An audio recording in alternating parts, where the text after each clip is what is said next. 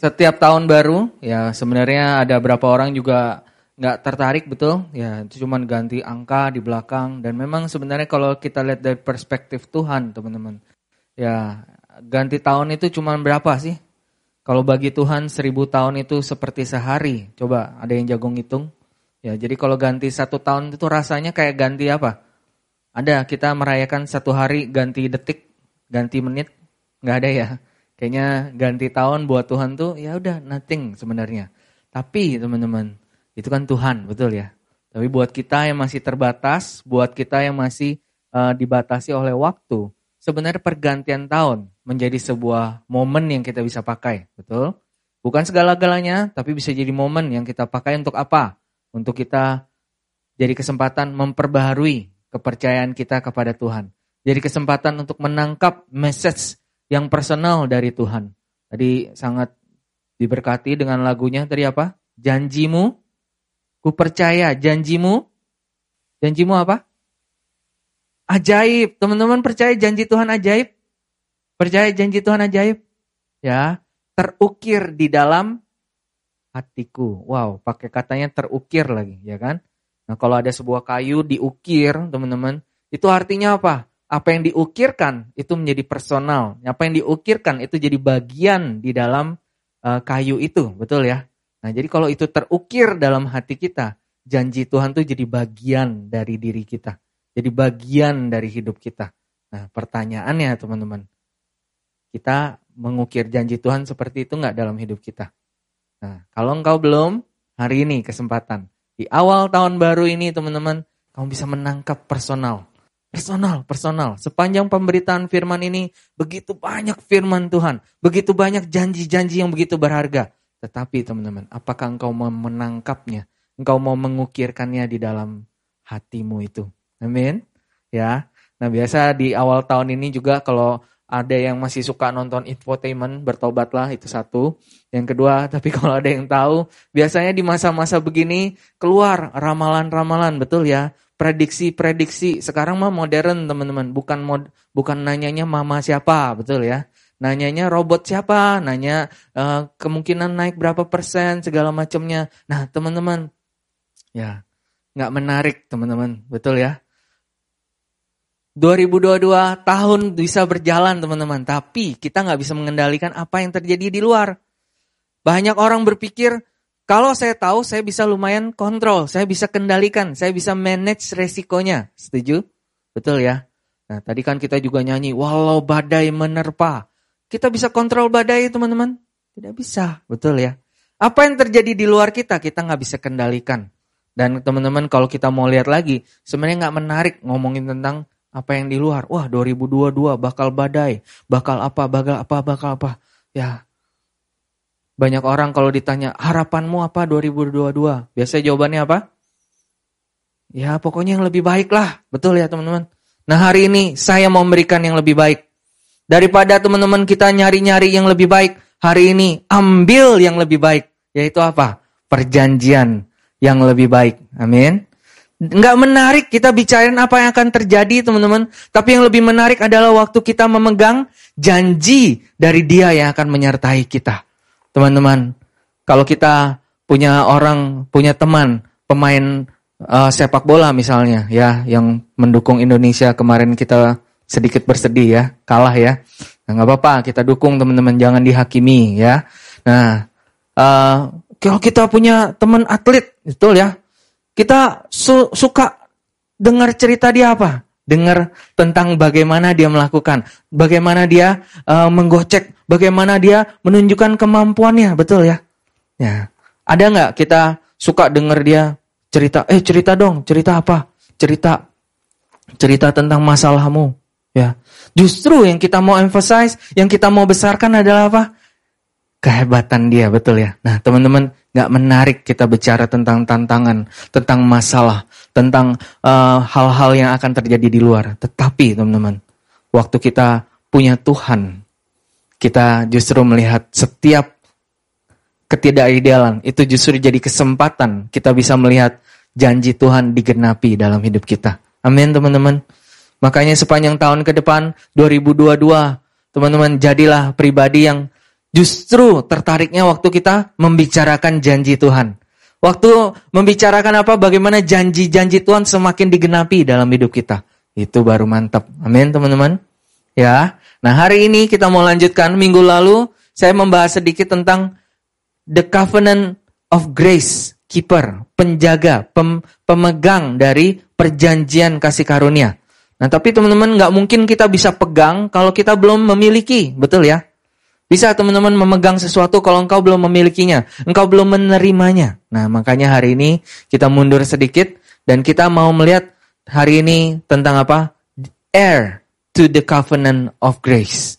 Kenapa dipakai kata heir? Itu pewaris, teman-teman. Ya, bukan air udara. Ya, tapi air. Gimana bacanya? Saya salah nggak sih? Ya, he, bukan hair juga sih, ya kan? Ya, pokoknya itulah teman-teman, terimalah dengan iman. Ya, hair. Itu pewaris. Nah, kenapa pakai kata pewaris? Karena teman-teman, kamulah orang yang berhak. Kamulah orang yang ahli waris yang sebenarnya. Nah, karena itu teman-teman, the covenant of grace, perjanjian kasih karunia, itu bukan sesuatu yang mungkin bisa jadi milikmu, bukan. Itu sebenarnya adalah hakmu di dalam Tuhan. Karena itu siang hari ini saya mau meneguhkan setiap teman-teman hari ini untuk kau mengambil apa yang menjadi hakmu, untuk kau mengambil apa yang Bapak janjikan, untuk kau mengambil apa yang sebenarnya Bapak sediakan.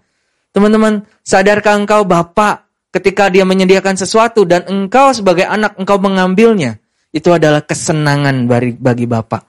Betul?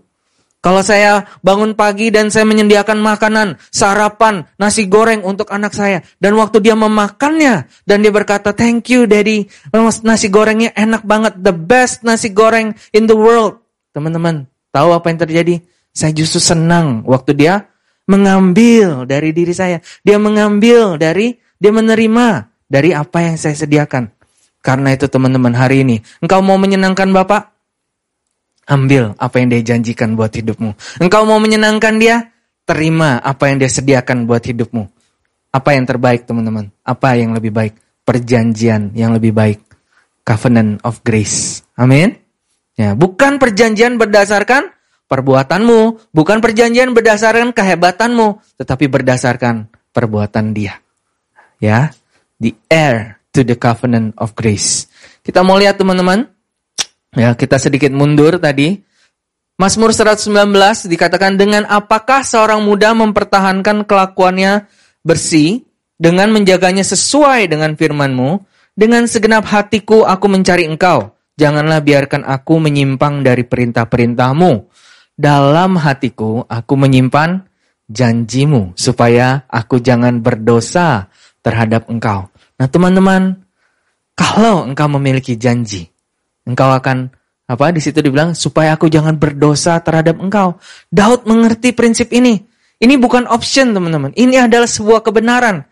Teman-teman mau engkau hidup merdeka dari dosa? Siapa yang mau? Siapa yang mau merdeka dari dosa? Siapa yang totally clean mau merdeka dari dosa? Nah, teman-teman mau sebuah prinsip yang begitu sederhana, teman-teman. Kalau engkau mau menang dari dosa, engkau mau hidupmu tidak berdosa lagi, teman-teman. Wow, keren banget. Apa caranya? Apa prinsipnya? Dalam hatiku aku menyimpan janjimu. Karena itu semakin banyak janji Tuhan yang kau simpan. Semakin banyak janji Tuhan yang diukirkan dalam hidupmu. Diukirkan, make personal di dalam hidupmu teman-teman. Semakin banyak janji itu. Semakin kau akan apa? Begitu mudah engkau membuang kebiasaan dosa, membuang ego, membuang apa? pengharapan yang palsu, membuang janji-janji manusia yang apa? tidak kekal, teman-teman. Bahkan membuang luka, trauma, kebiasaan buruk begitu mudah. Tetapi teman-teman, coba kita lihat.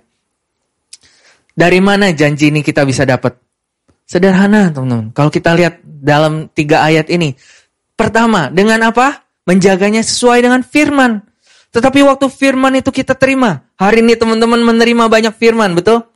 Engkau mendengar suara suara Koalung. Koalung ini lagi memberitakan firman Tuhan. Lagi memberitakan firman, teman-teman. Nah, tapi apakah engkau mengambilnya?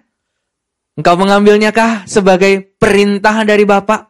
Apakah engkau mengambilnya nih firman personal bagi hidupmu? Oh, Tuhan tuh menyediakan perjanjian kasih karunia buat saya. Wow. Nah teman-teman, kalau engkau mulai melihat ada perintah, engkau mulai melihat firman ini tertulis, bukan hanya untuk jutaan manusia yang ada di bumi ini, tetapi firman ini tertulis bagi engkau. Ya, hari ini engkau bisa duduk di tempat ini dan engkau mendengar firman ini dan engkau melihatnya sebagai apa? Ini Bapak mau bicara sama aku. Bapak rindu Bapak mau mengatakan sesuatu, engkau mulai mengambilnya, perintah. Tetapi teman-teman waktu engkau merenungkannya lagi, engkau apa tadi mengizinkan janji itu, firman itu terukir di dalam hatimu. Ya, lama-lama teman-teman ada yang terbuang. Kalau namanya terukir kan ada yang dibuang, betul ya? Ada yang dibuang, ada yang dibuang. Apa yang dibuang teman-teman? Ada yang dibuang adalah ketidakpercayaanmu. Yang dibuang adalah kedegilanmu. Yang dibuang adalah apa? Cara-caramu yang dibuang adalah begitu banyak apa yang sudah ditaruhkan dari si jahat. Nah waktu itu ditaruhkan teman-teman. Waktu janji Tuhan menjadi bagian yang sangat personal di dalam hidupmu. Teman-teman, engkau akan menjadi pribadi yang sangat-sangat-sangat berbeda. Amin. Amin teman-teman. Ada keteguhan, ada pengharapan. Sekalipun badai datang, tidak menarik ngebahas badainya, uh, skala berapa, betul ya? Walau gempa datang, berapa Richter? Nggak menarik lagi. Yang lebih menarik adalah apa? Dia yang menjanjikan, dia setia dan dia sanggup mau gempa 10 Richter. Wow. Dahsyat gempa 10 Richter? Dahsyat. Ya. Tapi kalau Tuhan berjanji dia menyertai aku, nggak ada masalah 10 Richter.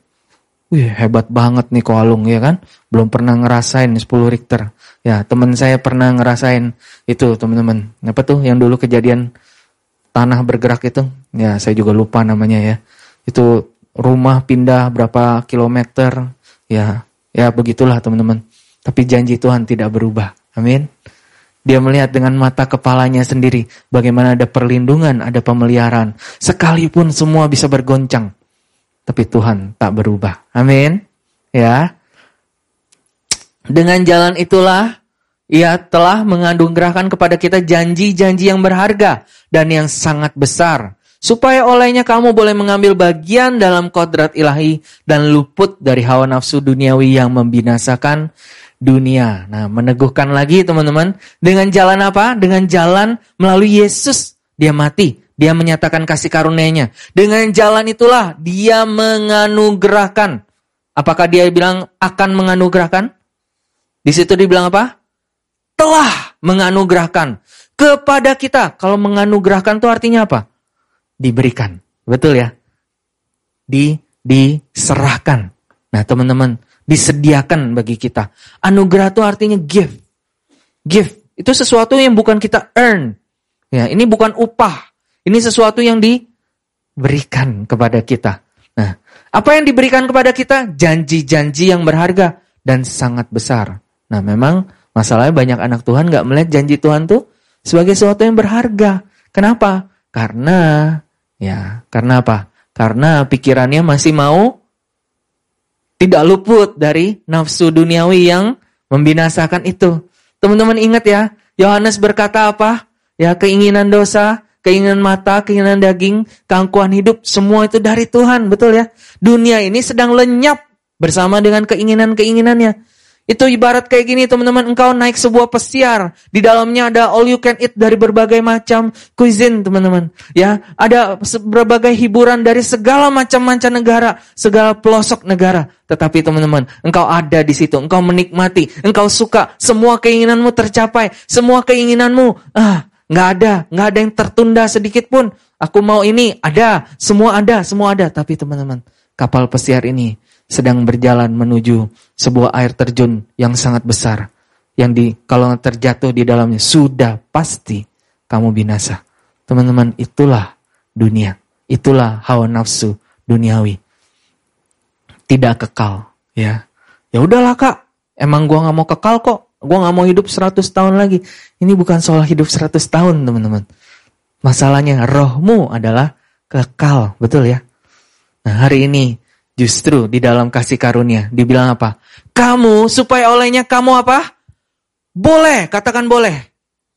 Boleh, kamu tuh diperbolehkan sekarang. Kamu boleh, kamu di, kalau orang Melayu bilang, boleh, bisa jadinya. Engkau dimampukan. Untuk kamu apa? Mengambil bagian dalam kodrat ilahi. Teman-teman mengerti kodrat ilahi? Waktu Yesus, dia bangkit dari kuburnya. Dia, itu tubuh yang sempurna, teman-teman. Ya, waktu Pet, Paulus berjumpa dengan Yesus, hidupnya berubah Hidupnya menyatakan kasih, kuasa, dan kebenaran Tuhan. Dia menyatakan keteguhan. Dia mengambil bagian dalam bagian panggilan Allah. Wow, teman-teman. Itu kodrat ilahi yang Bapak sediakan bagi hidupmu. Ya, engkau. Yang mungkin hari ini engkau berkata, ya gue, siapa gue dibandingin Paulus? Siapa gue dibanding Petrus? Siapa gue dibanding hamba-hamba Tuhan yang begitu dahsyat itu? Siapa gue dibanding saksi-saksi iman? Tapi teman-teman, hari ini kalau engkau mengambil dengan personal, teman-teman, anugerah yang sama membolehkan engkau. Membolehkan engkau. Teman-teman hari ini rindu nggak? Engkau mungkin melihat dirimu rendah. Mungkin engkau melihat dirimu mungkin nggak rendah, tapi engkau melihatnya sebatas hal lahiriah. Ya, aku mah hebat, aku bisa mencapai, aku mencapai. Apa arti pencapaianmu di hadapan Tuhan? Nothing, teman-teman. Tapi Tuhan menyediakan yang jauh lebih baik. Amin. Bahwa melalui hidupmu teman-teman, banyak orang bisa dibangkitkan, banyak orang bisa disembuhkan, banyak orang bisa mengalami kasih, banyak orang bisa mengalami terobosan, banyak orang bisa mengalami Bapak. Wow teman-teman, waktu engkau menyimpan janji Tuhan dalam hidupmu, bukan hanya engkau menang dari dosa, tetapi bahkan kau mendapat bagian dalam kodrat ilahi kehidupan yang ilahi, kehidupan yang manusia tidak akan pernah bisa capai. Tetapi Bapak sediakan bagi kita. Amin, teman-teman. Ya. Boleh kita baca sama-sama kalimat ini? Satu, dua, tiga.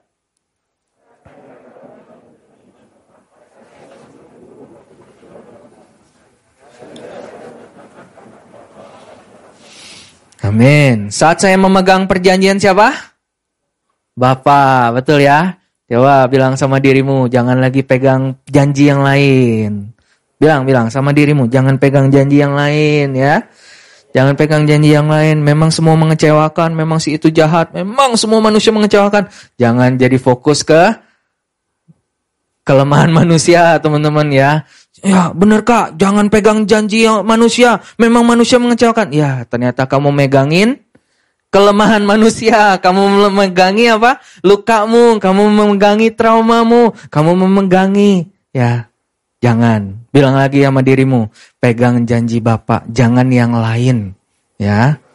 Janji Bapak, jangan yang lain. Amin. Jangan pegangi kelemahan orang tuamu, jangan pegangi kelemahan saudaramu, sahabatmu, pemuridmu, juga jangan pegangi kelemahan dirimu. Amin, teman-teman. Ya, dibalik juga sama, jangan pegangi kebisaanmu. Ya. Wah, 2022 gampang, gua kan orangnya hebat. 2021 aja pencapaian gua 200%. Ya. Tahun 2022, wah 21 jadi 22. Hmm, double 400%. Jangan pegangi kebisaanmu. Amin. Pegangi janji Bapak. Amin. Nah, kita mau lihat janji Bapak kita minggu lalu udah bahas sedikit teman-teman janji Tuhan dengan manusia seenggak-enggaknya hampir 5 sampai 8 ya. Nah, ada perjanjian antara Tuhan dengan Adam yaitu pada semua manusia, kepada Nuh ya, tapi kita mau spesifik hari ini yaitu kepada Abraham, teman-teman. Bahwa karena melalui hidup Abraham kita mendapat perjanjian. Kita ambil bagian dalam perjanjian yang kekal ini, kodrat ilahi ini, teman-teman. Di situ dikatakan ini perjanjian antara Tuhan dengan Abraham, aku akan mengadakan perjanjian antara aku dan engkau serta siapa? Keturunanmu turun-temurun menjadi perjanjian yang kekal. Katakan yang kekal. Perjanjiannya kekal, teman-teman. Perjanjian Allah dengan Abraham dan keturunannya itu kekal. Ya, di situ dikatakan perjanjian isinya apa? Supaya aku menjadi Allahmu dan Allah keturunanmu. Ya, jadi siapa yang keturunan Abraham? Ini ada perjanjian kekal bahwa Tuhan adalah Tuhan kita dan kita adalah umatnya dia, teman-teman. Ya, di situ janji yang lebih spesifik dikatakan kepadamu dan kepada keturunanmu akan kuberikan negeri ini yang kau diami sebagai orang asing, yakni seluruh tanah Kanaan akan kuberikan menjadi milikmu untuk selama-lamanya dan aku akan menjadi Allah mereka. Ya, ayat ini memang menjadi problem teman-teman. Hari ini ya orang Yahudi ngambil ini untuk ya merebut tanah yang dijanjikan secara lahiriah. Nah, tapi teman-teman, kita ini adalah Israel rohani. Amin. Nah, kita mau lihat apa yang Bapak janjikan. Tetapi teman-teman di situ dikatakan kepadamu keturun dan keturunanmu diberikan tanah Kanaan. Waktu itu spesifik kepada siapa? Abraham, teman-teman. Nah, di situ dibilang apa? Lagi firman Allah pada Abraham, dari pihakmu, ya Tuhan berjanji, tapi dari pihakmu, engkau harus memegang perjanjianku. Engkau dan keturunanmu turun temurun. Betul ya? Nah, janji ini diwariskan sama opa Abraham ke siapa? Ke Ishak, betul ya? Nah, dari opa Ishak dia wariskan lagi ke siapa? Siapa anak Ishak? Ayo Bible quiz. Keterlaluan banget kalau nggak tahu. Ya, anaknya Ishak siapa? Yakub ya. Ya, Yakub dan Esau to be exact. Nah, teman-teman, tapi teman-teman, anak Yakub ya. Anak Yakub siapa? Yakub mewariskan lagi nggak perjanjian ini? Dia wariskan lagi nggak? Kepada siapa dia wariskan? Kepada siapa? Yusuf. Apakah Yusuf doang? Enggak, teman-teman ya. Dia wariskan perjanjian ini kepada semua anak-anaknya. Kepada semua anak-anaknya, teman-teman. Hanya masalahnya apa? Hanya satu anaknya yang dikasihi itu, yang dia menangkap warisan perjanjian ini. Nah, maka itu teman-teman hari ini, hari ini engkau mendengar firman yang sama. Tapi teman-teman jangan sampai engkau seperti Sepuluh saudara Yusuf tidak menangkap perjanjiannya, tidak menangkap firman Tuhan bicara apa sama hidupmu. Ya pulang dari tempat ini, tadi di sharein apa? Nggak tahu tuh. Ya, yang di depan jual obat, ya mungkin kayak gitu. Ya, yang di depan mungkin apa? Menjual diri dia narsis ya teman-teman. Cerita sana sini. Nah teman-teman hari ini ambil janji Tuhan, ambil warisan perjanjian kasih karunia ini. Yakub dia mewariskan kepada anak-anaknya. Tetapi hanya satu yang menangkap. Ya, siapa namanya? Yusuf, betul ya? Nah, diteguhkan lagi, teman-teman. Ya, dikatakan bukankah sesungguhnya Abraham akan menjadi bangsa yang besar serta berkuasa dan oleh dia segala bangsa di atas bumi akan mendapat berkat. Amin. Sebab aku telah memilih dia supaya diperintahkannya kepada anak-anaknya dan pada keturunannya supaya tetap hidup menurut jalan yang ditunjukkan Tuhan dengan melakukan kebenaran dan keadilan dan supaya Tuhan memenuhi kepada Abraham apa yang dijanjikannya kepadanya. Teman-teman, teman-teman lihat, Bapak dia berjanji, dia mau genapin. Dia mau, dia rindu. Makanya dia remind, makanya dia menguatkan, makanya dia meneguhkan, makanya dia mengulang terus. Waktu ada anak-anaknya yang gagal, dia mengingatkan kembali. Bukan menghakimi, bukan merendahkan, bukan nagih. Ayo ingat janji lu, bukan. Tapi justru meneguhkan. Amin. Ya, nah teman-teman, di dalam Kristus, kita adalah keturunan Abraham secara rohani. Amin. Nah hari ini teman-teman, janji ini diberikan juga dari hidupmu. Janji apa kak? Janji apa sih kok kalau kalau gitu dari tadi? Apakah kita harus ke Yerusalem ambil plang? Ah, aku klaim tanah ini jadi milikku. Ambil meteran ditarik sana sini 10 kali 10. Ya, tanah yang aku injak jadi milikku. Apakah di Israel kayak gitu? Ya, boleh begitu teman-teman. Ya, jangan sampai dibom sama yang ya pihak yang lain teman-teman. Nah, teman-teman lihat janjinya apa, teman-teman? Ya, oleh dia. Segala apa? Segala apa? Segala bangsa di atas bumi ini akan mendapat apa? Mendapat apa teman-teman? Mendapat apa? Oh cari dulu ayatnya yang mana ya kan? Segala bangsa di bumi akan mendapat berkat. Ya, Berkat apa teman-teman? Berkat keselamatan. Berkat kasih karunia. Berkat penyediaan. Berkat yang dari Bapak sendiri. Amin.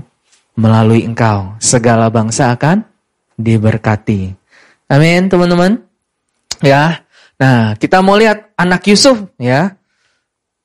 Yakub punya anak, ya 12 orang, tapi hanya satu yang nangkap warisan janji ini. Dan sekarang kita lihat gimana dia dia melihat hidup dia. Anak Yusuf lahir bagi dia di Mesir ada dua orang. Jadi keluarga Yakub yang tiba di Mesir jumlahnya berapa teman-teman? Jumlahnya berapa? 70 jiwa, betul ya. Kita sudah bahas sedikit, tapi ini sebagai peneguhan lagi teman-teman. Ya, Nah ini perkataan Yusuf kepada saudara-saudara. Memang kamu telah mereka-rekakan yang jahat terhadap aku, tetapi Allah telah mereka-rekakannya untuk kebaikan. Dengan maksud, nah, nah ini yang penting teman-teman. Sebagai pribadi yang dikasihi, yang menerima warisan perjanjian kasih karunia ini. Yusuf menjadi pribadi yang mengenal maksud Allah yang berjanji ini. Dia mengenal hati Allah. Kenapa Allah berjanji? kepada siapa Allah berjanji, bagaimana dia setia kepada janjinya. Dia mengenal. Makanya teman-teman, cara dia memandang jadi berbeda. Ya, bagaimana cara memandangnya dia beda? Di situ dikatakan apa? Dengan maksud melakukan seperti yang terjadi sekarang ini, yakni apa? Memelihara hidup suatu bangsa yang besar. Suatu bangsa yang besar, teman-teman. Mungkin matanya Yusuf rabun, betul ya? Ya, berbayang Ngeliat 70 orang ngelihatnya blur, blur. Kayak 70 ribu orang kayaknya. Enggak teman-teman, Yusuf sangat clear melihatnya. Dia ngelihat, dia ngelihat 70 orang. Tetapi dengan iman. Ya, dia melihat apa? Bangsa yang besar. Berdasarkan apa? Bukan berdasarkan mata lahiriah dia, tapi berdasarkan janji Tuhan. Yang siapa? Yang dia wariskan, yang dia terima melalui warisan. Nah karena itu hari ini teman-teman, peneguhan buat setiap engkau. Apakah engkau sendiri melihat dirimu sebagai bangsa yang besar? Ya, gua bangsa yang besar. Gua masih suka bohong. Gua masih kacau. Gua masih suka baperan. Nah, teman-teman, ingat. Jangan ingat Yusufnya aja, teman-teman. Ingat siapa? Ingat saudara-saudaranya. Saudara-saudaranya tukang pembunuh, betul ya? Ada yang pencuri. Ada yang apa? Yang suka nilep domba bapaknya, betul ya?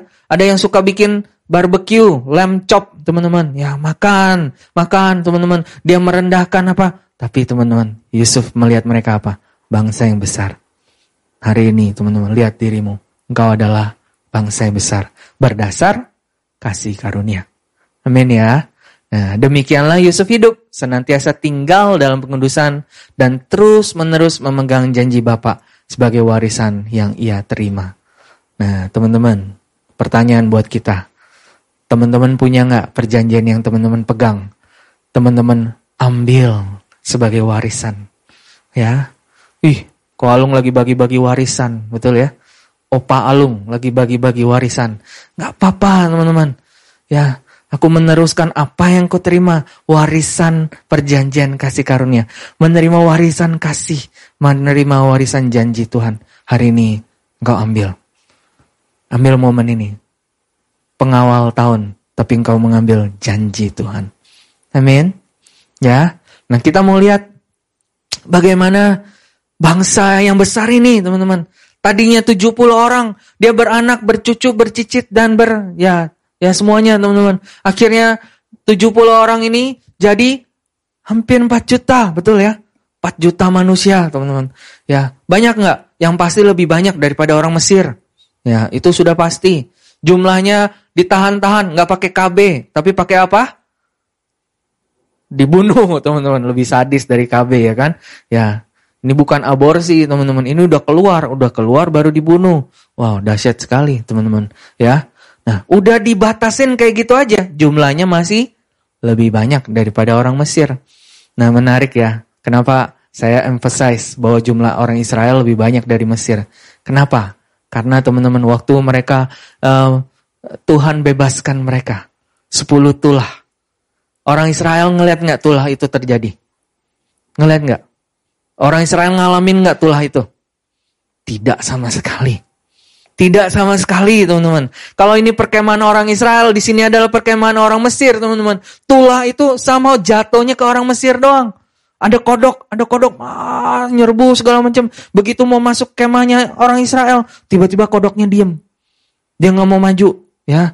Ya air jadi darah. Darahnya keciprat ke bagian kemah Israel. Nggak jadi darah lagi teman-teman. Tetap air. Wow, itu mujizat nggak teman-teman? Itu dahsyat nggak teman-teman? Nah demikianlah teman-teman, apa yang tertimpa bagi bangsa lain, dia tidak ditimpakan bagi orang Israel. Begitu luar biasa uh, perjanjian kasih karunia yang diberikan kepada orang Israel, warisan itu.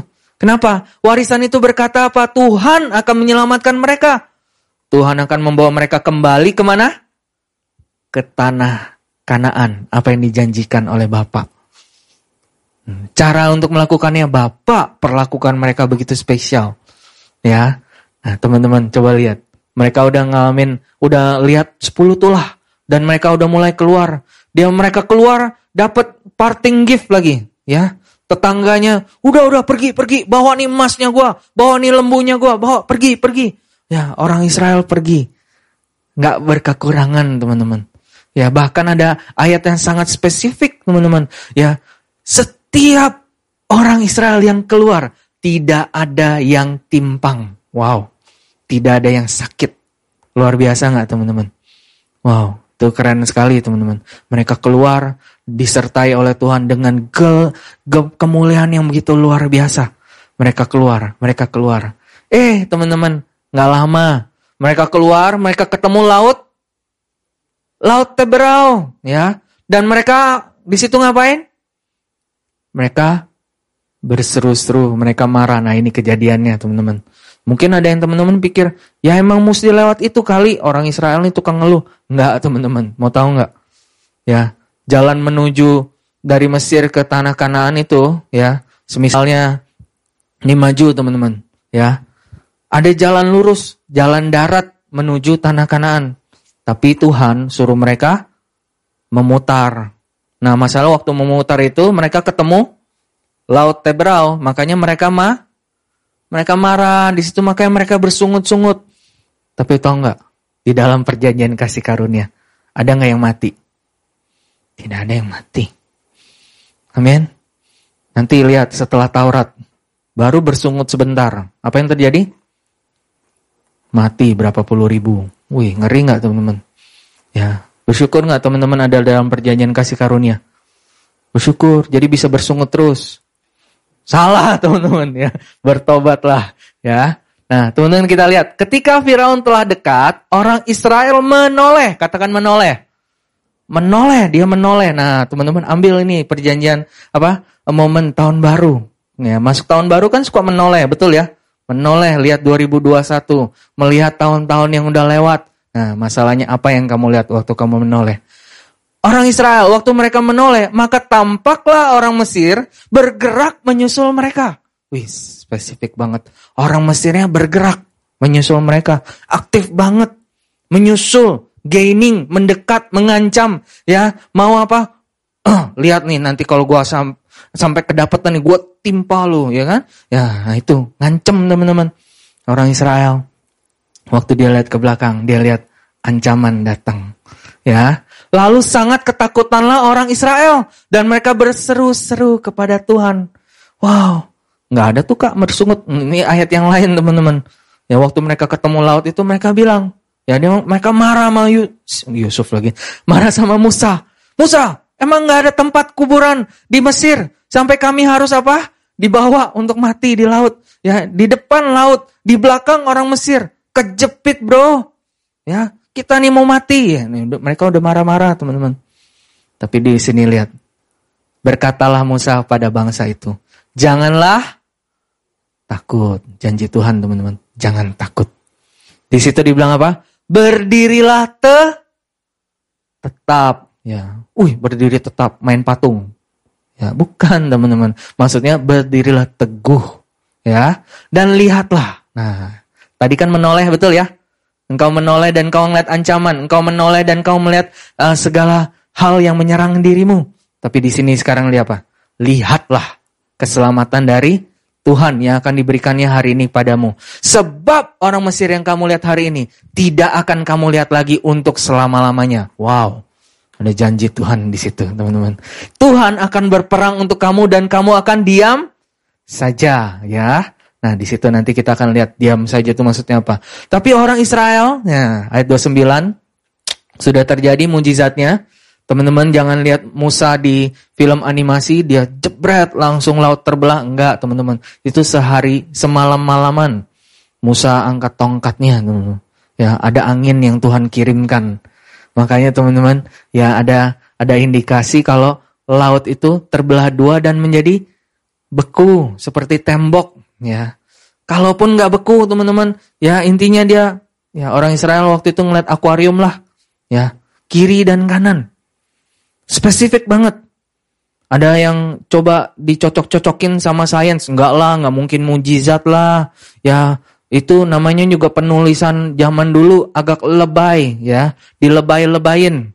Ya, lebayin gimana caranya lebayinnya? Ya, lautnya cetek lah, ya kan? Apalah. Nah, masalahnya teman-teman, laut cetek mana bisa membunuh orang orang Mesir?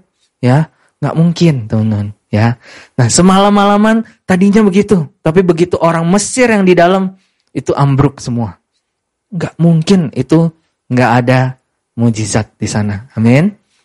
Di situ dibilang apa? Orang Israel berjalan di tempat kering dari tengah-tengah laut. Wow, spesifik banget ya. Tempat kering dari tengah-tengah laut. Ya, tengah laut. Ya, mereka berjalan di mana? Tengah laut. Ya, bukan tengah laut. Mereka berjalan di tengah janji Tuhan, teman-teman. Ya, sedang di kiri dan kanan mereka itu air sebagai tembok bagi mereka. Demikianlah pada hari itu Tuhan menyelamatkan orang Israel dari tangan orang Mesir. Dan orang Israel melihat orang Mesir mati terhantar di pantai laut. Ketika dilihat oleh orang Israel betapa besarnya perbuatan yang dilakukan Tuhan kepada orang terhadap orang Mesir, maka takutlah bangsa itu kepada Tuhan dan mereka percaya kepada Tuhan dan kepada Musa hambanya itu. Wow, ya. Bagus teman-teman, amin ya. Wow, terjadi mujizat, terjadi kesembuhan, terjadi masalah selesai. Ya, yang tadinya konflik sekarang damai, yang tadinya nggak ada uang sekarang ada uang, yang tadinya sakit sekarang sembuh. Bagus. Habis itu jadi percaya. Teman-teman, jangan kau jadi percaya hanya berdasarkan mujizat. Amin. Teman-teman. Tapi apa? Jadilah seperti Musa. Dia sudah memegang janji Tuhan sebelumnya. Dia sudah percaya. Walaupun tidak melihat. Kan tadi kita nyanyi betul ya. Sebab aku percaya. Bukan karena melihat. Itu iman teman-teman. Ya. Namanya iman tuh kayak gitu. Iman tuh bukan ngomong kayak gini. Ya. Gue percaya. Gue pasti diselamatin. Kalau gue gak selamat gimana? Pokoknya gue percaya. Gue pasti diselamatin. Itu bukan iman. Itu ngotot. Ya. Tapi iman tuh bicara gini, gue diselamatin gak diselamatin, gue percaya Tuhan menyertai gue. Ah, itu iman teman-teman. Amin. Amin teman-teman. Nah, kita mau lihat dari pembelajaran ini teman-teman, sebagai bangsa yang menjadi pewaris tata tata kasih per, pewaris perjanjian kasih karunia. Apa yang akan terjadi teman-teman? Yang pertama, sebagai pewaris perjanjian kasih karunia, kita akan melihat senantiasa ada apa teman-teman? Yang pertama ada penyertaan, pemeliharaan dan perlindungan dari Bapak. Ya. Tadi dikatakan apa? Jangan takut, berdirilah tetap dan lihatlah keselamatan dari Tuhan. Yang akan apa? Di situ dikatakan apa? Yang akan diberikannya hari ini kepadamu. Sebab orang Mesir yang kamu lihat hari ini tidak akan kamu lihat lagi untuk selama-lamanya. Tuhan akan berperang untuk kamu dan kamu akan diam saja. Wih, asik banget, betul ya? Nah, teman-teman, coba kita ambil personal. Waktu kamu menoleh ke belakang, waktu kamu melihat ke belakang, namanya juga di belakang, betul ya? Ini sesuatu yang dari masa lalumu. Itu sesuatu yang dari kehidupan lamamu. Ya, itu sedang datang, mendatangi kamu kembali. Wih, kayaknya udah mati, tapi sekarang dia balik lagi. Wow, tadi masalah, tadinya apa? Ya, kebiasaan buruk, dia mulai datang lagi, mulai datang lagi teman-teman. Ya mulai mengancam hidupmu. Ya, tapi di situ di situ dikatakan apa? Tuhan yang berperang ganti saya. Nah, banyak nggak teman-teman mengizinkan Tuhan berperang ganti kamu? Banyak nggak izinkan? Enggak. Banyaknya apa? Banyaknya orang gelisah, betul ya? Nggak percaya. Percayanya gini, ah gue percaya Tuhan itu nggak akan bergerak. Ya benar tuh lagunya tadi. Dia tidak pernah berubah. Ya betul ya, dia tidak pernah berubah. Dia diam aja di sana. Nggak pernah berubah. Gua disakiti, gua dilukai, gua dibuang, gua apa? Tuhan gak berubah. Tuhan gak berbuat apa-apa. Teman-teman, jangan-jangan itu masuk karena engkau mengenal Bapak dengan cara yang salah. Engkau mengenal Bapak sebagai Bapak yang tidak pernah membela hidupmu. Bapak gak pernah hadir dalam hidupmu. Sehingga engkau gak bisa lihat sekalipun Bapak membela hidupmu. Amin. Nah teman-teman, Allah yang berperang ganti kamu. Dan kamu akan diam saja. Diam saja nih maksudnya apa? Bukan diam di luarnya teman-teman. Banyak orang percaya juga salah aplikasinya. Makanya udah gue diam aja. Diam aja gue percaya. Gue percaya. Ya kan bagus kan semuanya sama. Ya janjimu ajaib. Aku diam aja di rumah. Ya, ya udah usah nggak usah kerja, nggak usah kuliah, nggak usah belajar. Nah, kok kamu nggak belajar? Aku percaya. Aku diam. Allah yang berperang ganti saya. Uh, Allah yang bikin bikin tesis ya kan, Allah yang bikin skripsi, Allah yang ngadepin dosen pembimbing, betul ya? Ya, teman-teman, itu salah, teman-teman, bukan kayak gitu ya. Diam di sini maksudnya apa? Percaya. Amin ya. Amin. Ya. Orang Israel itu lautnya udah terbelah, teman-teman. Misalnya ya, yang bisa belah laut siapa? Tuhan kan, betul ya? Nah, izinkan Tuhan lakukan. Dia lakukan, dia buka jalannya. Tapi bagianmu apa, teman-teman? Bagianmu apa? Percaya, teman-teman. Ya, langsung jalan ya. Percaya. Percaya dulu, teman-teman. Waktu engkau percaya, manifestasinya apa? Engkau berjalan, betul ya? Nah, di sini penting teman-teman. Engkau butuh berjalan di dalam jalan Tuhan, di dalam janji Tuhan. Ya, jangan ke kanan ke kiri, teman-teman. Karena ada pemeliharaan penyediaan itu di mana? Di dalam janji Tuhan. Amin. Petrus itu dia bukan jalan di atas air, dia jalan di atas janji Tuhan. Ya, Nah hari ini teman-teman, waktu engkau bekerja, waktu engkau kuliah, waktu engkau sekolah, waktu engkau meresponi orang-orang yang ada. Situasi kehidupanmu yang ada. Apakah engkau meresponinya karena berdasarkan engkau percaya ada janji Tuhan di situ. Engkau percaya Tuhan akan mencukupkan. Engkau percaya Tuhan menyertaimu.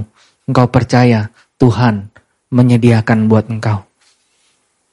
Bro, ubah sedikit bro. Kasbonnya Ya, nanti gua kasih uang buat lo. Ya bro, bukunya dibuat double. Ada double, triple ya, double booking, triple booking. Ini emang booking hotel ya. Bukan teman-teman, bukan itu ya. Pencatatannya ganda, keuangannya. Ya, pajaknya digelapin sedikit ya. Oh, titip uang sedikit. Oh, kasihan gue liat lu keringetan, kerjanya udah capek, bos lu nggak perhatiin. Nih bonusnya dari gue aja. Nah teman-teman, Waktu engkau berjalan dalam janji Tuhan, engkau percaya enggak? Aku kerja berdasarkan janji. Aku benar, aku hidup dalam pengudusan. Ada penyediaan Tuhan. Amin teman-teman. Amin. Nah, diam itu di dalam percaya, tenang, trust. Amin. Kan kita udah belajar sofronismos betul ya? Ya, nah menarik. Ada satu kisah juga teman-teman, murid-murid waktu itu Yesus sudah mati dan dia dengar-dengar udah bangkit, tapi mereka masih ketakutan. Di situ suatu sudah apa? Ketika hari sudah malam pada hari pertama minggu itu berkumpul murid-murid Yesus di suatu tempat dengan pintu yang terkunci.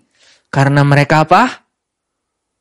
Ya, karena mereka berjaga-jaga, makanya pintunya dikunci, betul ya. Karena mereka ya rajin melakukan tanggung jawab mereka, ya. Mereka apa? Mereka being secure, ya. Oke, enggak teman-teman, mereka terkunci karena ketakutan. Jelas teman-teman, ya. Mereka takut sama siapa? Orang Yahudi. Pada waktu itu, pada waktu pada waktu apa? Itu. Pada waktu apa? Pada waktu ketakutanmu pada waktu ketakutanmu, pada waktu terpojoknyamu, waktu pada waktu di mana rasanya nggak ada jalan keluar, pada waktu rasanya engkau buntu. Pada waktu itulah apa? Datanglah Yesus. Kasih karunia datang atas hidupmu. Datanglah Yesus. Dia berdiri di tengah-tengah mereka. Ya, berdiri loh teman-teman. Bukan melayang. Ya. Yesus sangat jelas. Dia berdiri. Di mana? di tengah-tengah mereka. Jangan nanya saya lebih detail, kok Yesus tahu-tahu ada di tengah? Dia muncul dari bawah, dari atas, tiba-tiba muncul, I don't know, Alkitab nggak kasih tahu. Tapi ini yang lebih penting, Yesus di tengah mereka. Karena Yesus ada di tengah mereka, damai sejahtera ada, bahkan di tengah ketakutan. Amin teman-teman. Nah karena itu ambil personal. Ambil personal. Teman-teman, sepanjang tahun ini 2022, kamu nggak tahu apa yang akan terjadi. Ya betul. Tapi teman-teman, waktu engkau menjadikan Yesus pusat dan tujuan kehidupanmu. Engkau jadikan dia in the midst of your life. Tuhan ada di tengah perasaanmu. Tuhan ada di tengah pikiranmu. Tuhan ada di tengah hubunganmu. Tuhan ada di dalam studimu. Tuhan ada. Engkau hadirkan dia. Engkau lihat dia. Engkau percaya. Tuhan ada. Tuhan ada di dalam keuanganku. Dia menjadi pusatnya bahkan.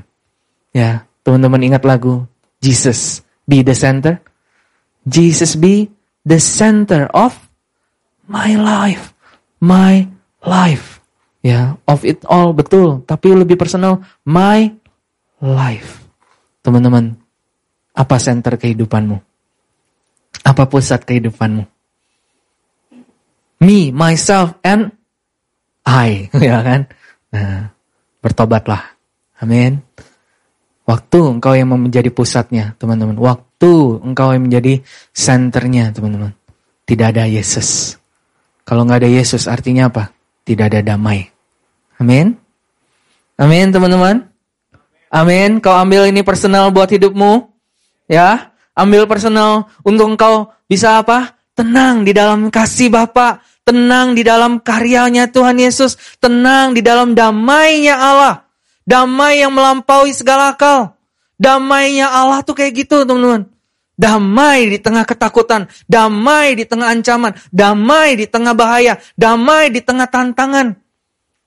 Wow. Kalau aku inner peace kok. Ya, inner peace calm. Aku calm waktu apa? Waktu ada relaxing sound, betul ya? Aku calm waktu ada dupa yang dibakar. Teman-teman, itu peace yang dari dunia. Rapuh, teman-teman. Amin. Amin. Tapi peace dari Bapak. Di tengah ketakutanmu. Di waktu engkau terjepit. Damai itu tetap berkuasa. Amin. Ya, yang kedua, teman-teman, sebagai pewaris perjanjian kasih karunia, saya adalah, wow, teman-teman, katakan buat dirimu, harta teristimewa dan kesayangan Papa, ya. Coba katakan yuk buat dirimu yuk, personal buat dirimu. Saya adalah harta teristimewa dan kesayangan Bapak. Wow, teman-teman. Amin. Ya, Sekali lagi teman-teman, kamu sendiri telah melihat apa yang kulakukan pada orang Mesir. Bagaimana aku telah mendukung kamu di atas sayap pajawali, membawa kamu kepadaku. Jadi sekarang jika kamu sungguh-sungguh mendengar firmanku berpegang pada perjanjianku, maka kamu akan menjadi harta kesayanganku sendiri dari antara segala bangsa. Sebab akulah yang empunya seluruh bumi dan kamu akan menjadi bagiku kerajaan imam dan bangsa yang kudus. Inilah semua firman yang dikatakan kepada orang Israel. Teman-teman, tadi yang cerita tentang uh, 10 tulah dan laut teberau, teman-teman.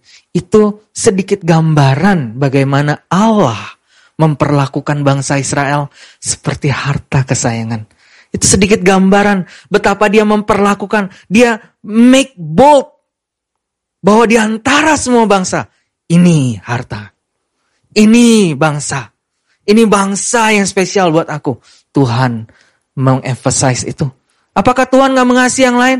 Tuhan mengasihi yang lain. Tetapi karena ada janji terhadap Abraham ini teman-teman. Dia make bold. Ya, ini bangsa yang kudus. Bangsa yang terpilih. Teman-teman hari ini. Maukah engkau ambil dengan iman? Kamu adalah bangsa itu. Ambil. Ambil.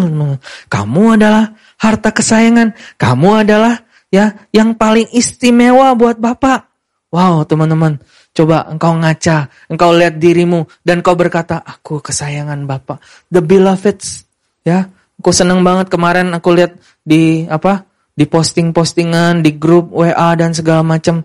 Ya, dinner with the beloved, dinner with the beloved, beloved lagi jalan-jalan, beloved lagi gaya, beloved lagi pose, ya.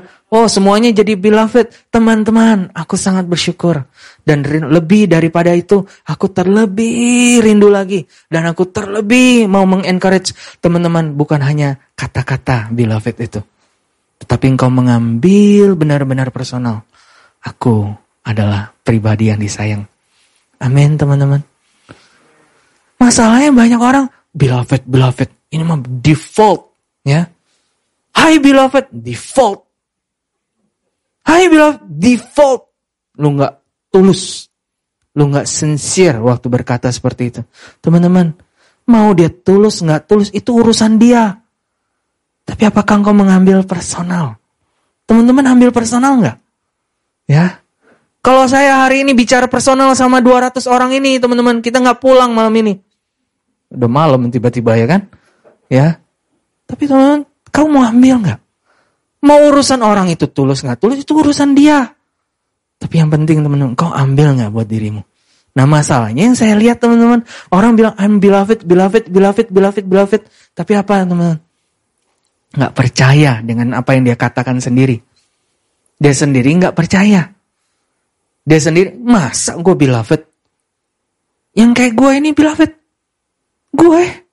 Yang rambutnya kayak Indomie? Gue? Yang kulitnya kayak kebakaran hampir jadi? Ya, nggak tahu maksudnya apa tuh. Ya, gue? Yang gajinya cuma segini? Gue? Yang IPK-nya cuma segitu? Gue? Yang kerja kelompok nggak ada yang mau? Ya, gue? Yang tingginya semampai? Ya, atau semampai? Semeter tidak sampai, ya kan? Ya, ada apa lagi? Gua, gua, gua kelas berat, ya kan? Ya, gua kelas bulu, ya gua, gua, gua, ya gua yang nggak punya temen, ya gua yang udah buka account sosial media satu tahun tidak ada yang follow follow juga, ya sedih amat. Masa gua beloved, teman-teman, hari ini ambil personal. Kamu jadi beloved bukan karena semua itu. Tapi karena apa? Karena perkenanan Bapak. Engkau jadi beloved karena apa teman-teman? Karena Allah menetapkannya. Allah Bapak yang memutuskan dari awal. Dari awal, you are his beloved. Amin teman-teman. Oh nggak aci dong kalau kayak gitu. Semua juga beloved. Ya teman-teman. Urusannya apa sama orang lain? Yang penting antara engkau dengan Bapak engkau mengambil personal. Amin. Ya, engkau adalah kesayangan. ya, asik dong jadi kesayangan. Ya, lagunya apa? Tak gendong ke mana-mana, betul kan? Kan lagunya gitu, apa ayatnya bilang gitu. Mendukung kamu di atas sayap Raja Oli, membawa kamu kepadaku. Asik jadi beloved, digendong-gendong, disayang-sayang, di apa? Dikasih es krim, dikasih mainan. Ya, apakah hanya untuk itu, teman-teman? Enggak, teman-teman. Nanti kita akan lihat waktu saya menerima kasih. Wow, saya akan mengerti maksud dari dia yang kasih.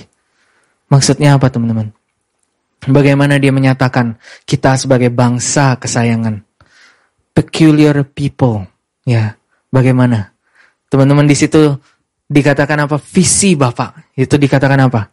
Kamu akan menjadi kerajaan imam. Bangsa yang kudus. Wow teman-teman, inilah rencana Bapak dari awal. Melalui keturunan Abraham, seluruh bangsa akan diberkati. Melalui Abraham, kepada kepada Yusuf, habis itu kepada Musa, dan habis itu harusnya di atas gunung Sinai itu teman-teman. 4 juta manusia menjadi imam Allah.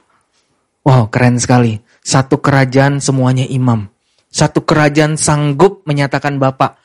Satu kerajaan sanggup menyatakan kualitas Bapak. Satu kerajaan sanggup menyatakan kuasa Bapak. Satu kerajaan, teman-teman. Yang paling lemah, yang paling kecil, dia sanggup menyatakan kasih. Amin, teman-teman. Hari ini, hai Arendi, engkaulah kerajaan imam. Ini yang aku percayakan terjadi. Yang paling kecil di sini. Sanggup menyatakan Bapak. Amin, teman-teman. Ya, amin. Amin. Yang paling kecil ini maksudnya bukan badannya kecil, bukan usianya kecil, Tapi orang yang melihat dirinya yang paling kecil pun, teman-teman, engkau akan sanggup menyatakan Bapak. Itu, itu yang Bapak janjikan. Amin. Wow. You are His beloved. Yang ketiga, teman-teman. Sebagai pewaris perjanjian kasih karunia, saya menerima pengudusan. Pengudusan. Teman-teman, ini berbeda, teman-teman. Pengudusan itu sesuatu yang diberikan oleh Bapak. Kata pengudusan itu set apart, betul ya? Ya, pengudusan dibedakan, dipisahkan, teman-teman. Karena engkau melihat dirimu sudah dikuduskan. Engkau ada dalam pengudusan Allah. Bapak perlakukan engkau berbeda dibanding yang lain. Engkau diperlakukan sebagai bangsa kesayangan. Engkau diperlakukan sebagai harta istimewa. Karena engkau melihat dirimu seperti itu. Makanya engkau teguh untuk apa? Hidup terpisah dari dunia.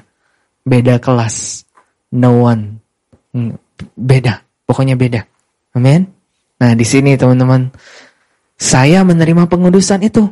Ya, pengudusan seperti apa teman-teman? Demikianlah pada hari itu Tuhan menyelamatkan orang Israel dari tangan orang Mesir.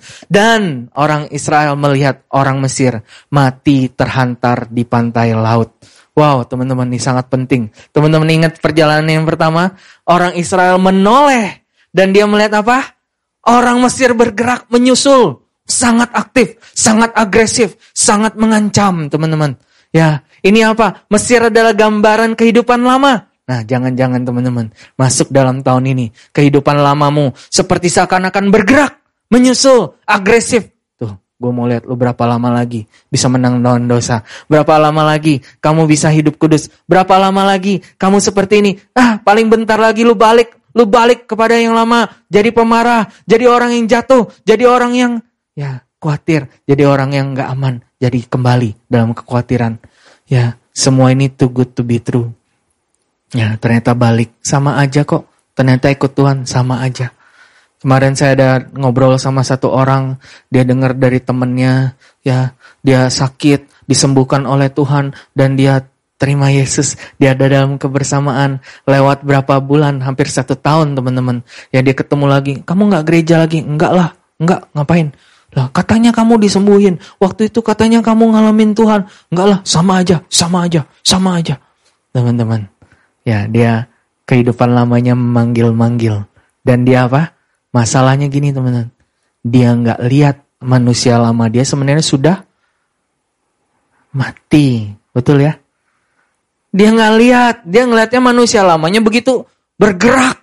Masih aktif. Masih menyusul. Masih begitu agresif menerobos dalam hidup kita. Nah, teman-teman, hari ini ambil ini personal. Dalam perjanjian kasih karunia, teman-teman, masa lalumu, manusia lamamu sudah mati sebenarnya. Sudah terhantar di pantai laut. Yang tadinya begitu aktif, mukanya beringas, mau menyerang. Sekarang sudah jadi mayat di situ. Wih, serem banget nih, gori banget khotbahnya, ya kan? Nah, teman-teman, bukan soal mayatnya, tapi hari ini apakah engkau melihat dirimu, teman-teman, dengan iman seperti itu?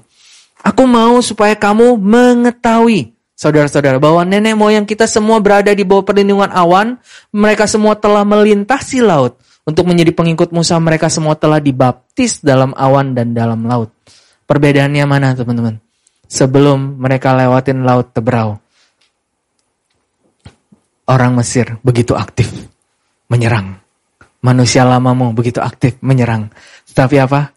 Ada laut Tebrau. Dibaptis, teman-teman.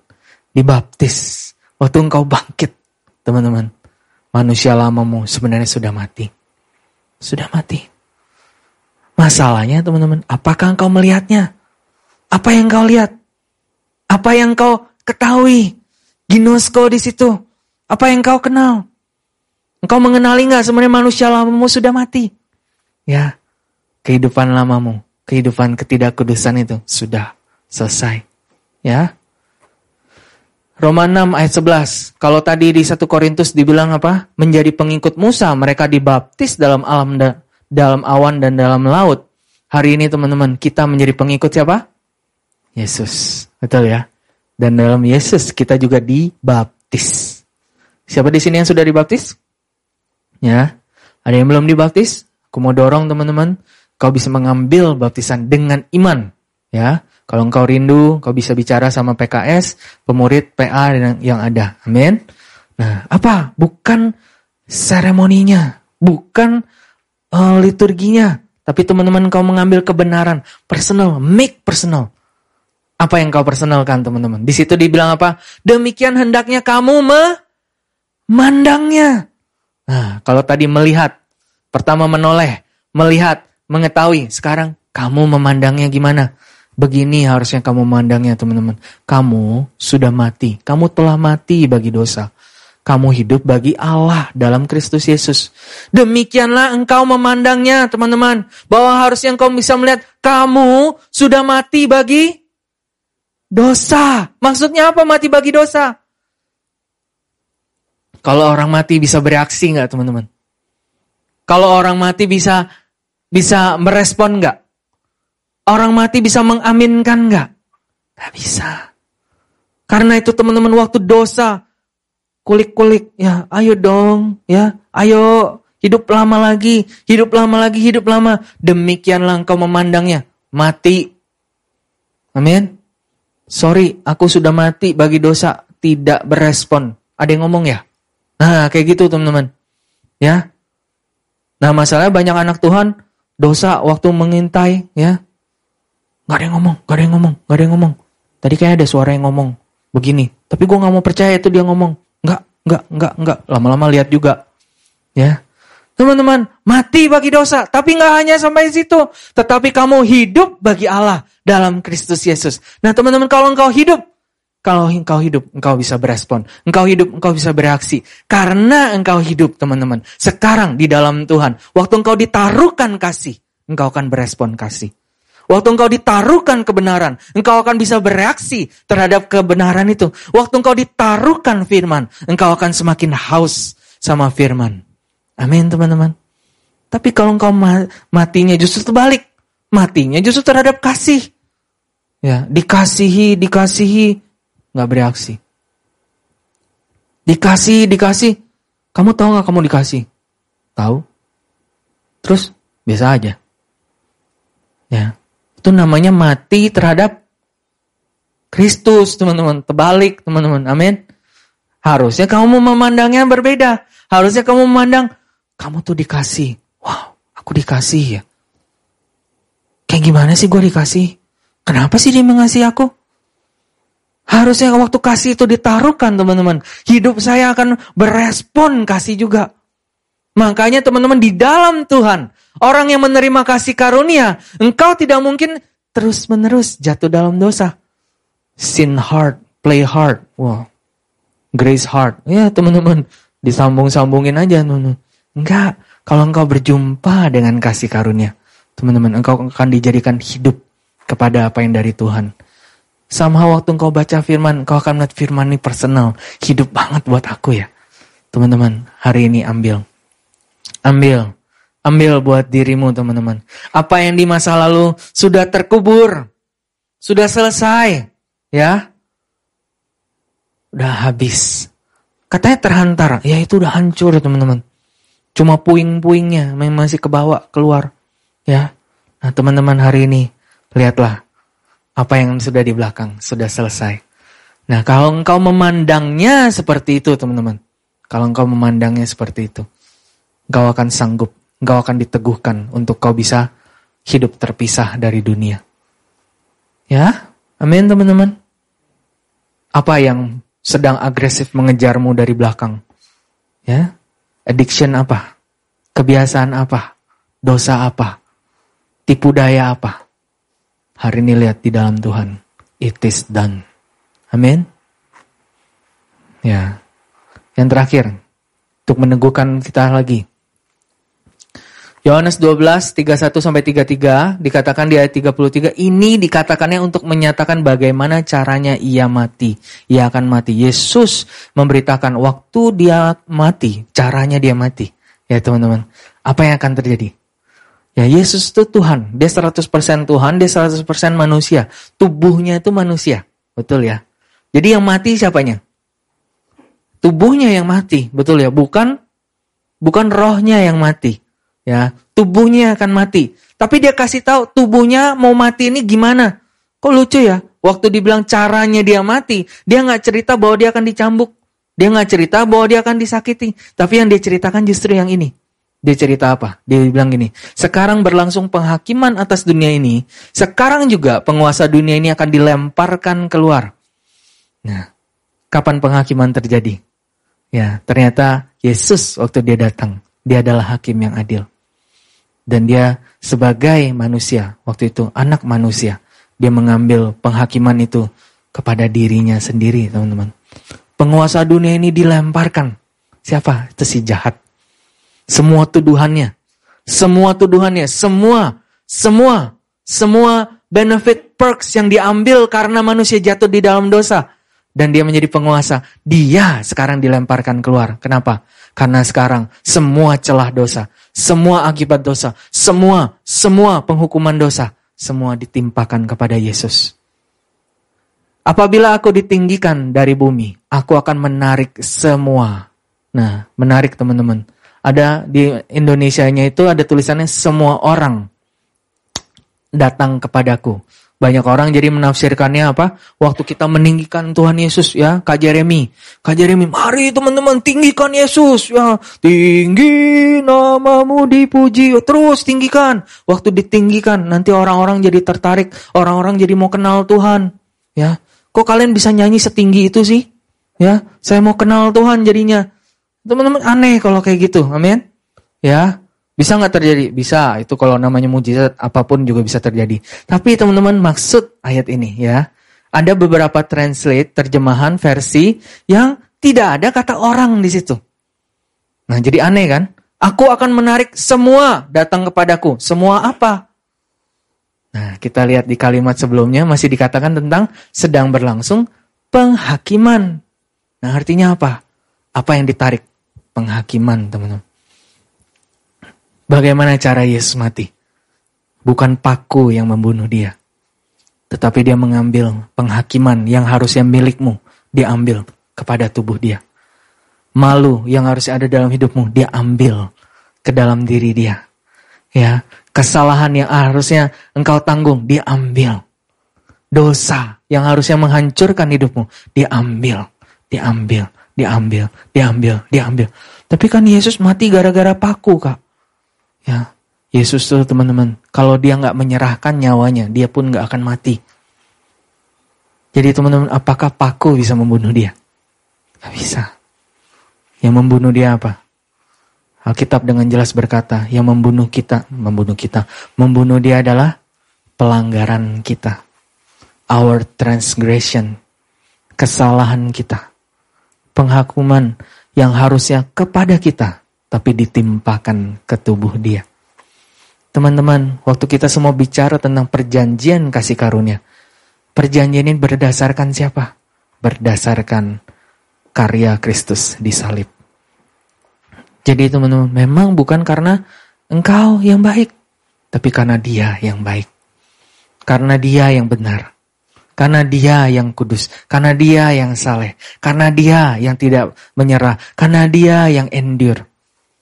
Tapi waktu engkau mengambilnya, teman-teman, engkau hidup di dalam perjanjian kasih karunia ini, engkau pun dapat bagian dalam kodrat yang sama seperti Yesus.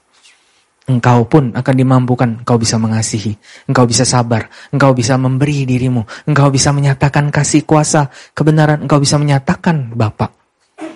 Hari ini ambil teman-teman. Engkau adalah bangsa yang besar. Amin. Ya, bagi dia yang mengasihi kita. Wow, teman. Dia yang mengasihi kita. Bukan bagi dia yang gak kenal sama kita. Ya. Sering ya kita memuji, memuliakan, ya kita memuji-muji idol tertentu. Tapi dia gak kenal kita, teman. Tapi bagi dia yang mengasihi kita dan yang telah melepaskan kita dari dosa kita oleh darahnya, dan yang telah membuat kita menjadi suatu kerajaan, menjadi imam-imam bagi Allah, Bapaknya. Bagi dialah kemuliaan dan kuasa sampai selama lamanya. Amin. Amin.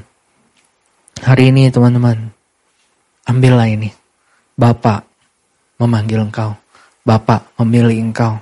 Bapak memberi engkau kesempatan, memperbolehkan engkau mengambil bagian dalam kodrat ilahinya berdasarkan kasih karunia. Engkau bisa teguh. Boleh kita bangkit berdiri, kita baca kalimat ini sama-sama. Kita baca yuk sama-sama, semua siap? Satu, dua, tiga. Saat saya menerima kasih karunia yang menyelamatkan, saya juga menerima pengudusan, yaitu pemisahan dengan dunia sehingga saya dapat memegang teguh janji Bapak untuk mewariskannya kepada bangsa-bangsa. Men, kita baca sekali lagi yuk. Satu, dua, tiga.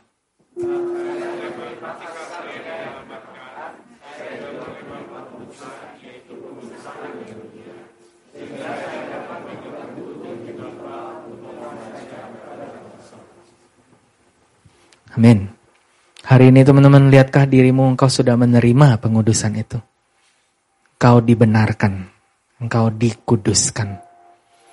You are being set apart. Tuhan tidak menilai engkau seperti dia menilai ciptaan yang lain lagi. Dia melihat engkau sebagai harta kesayangan dia. Amin. Hari ini teman-teman, mari kita datang sama Tuhan.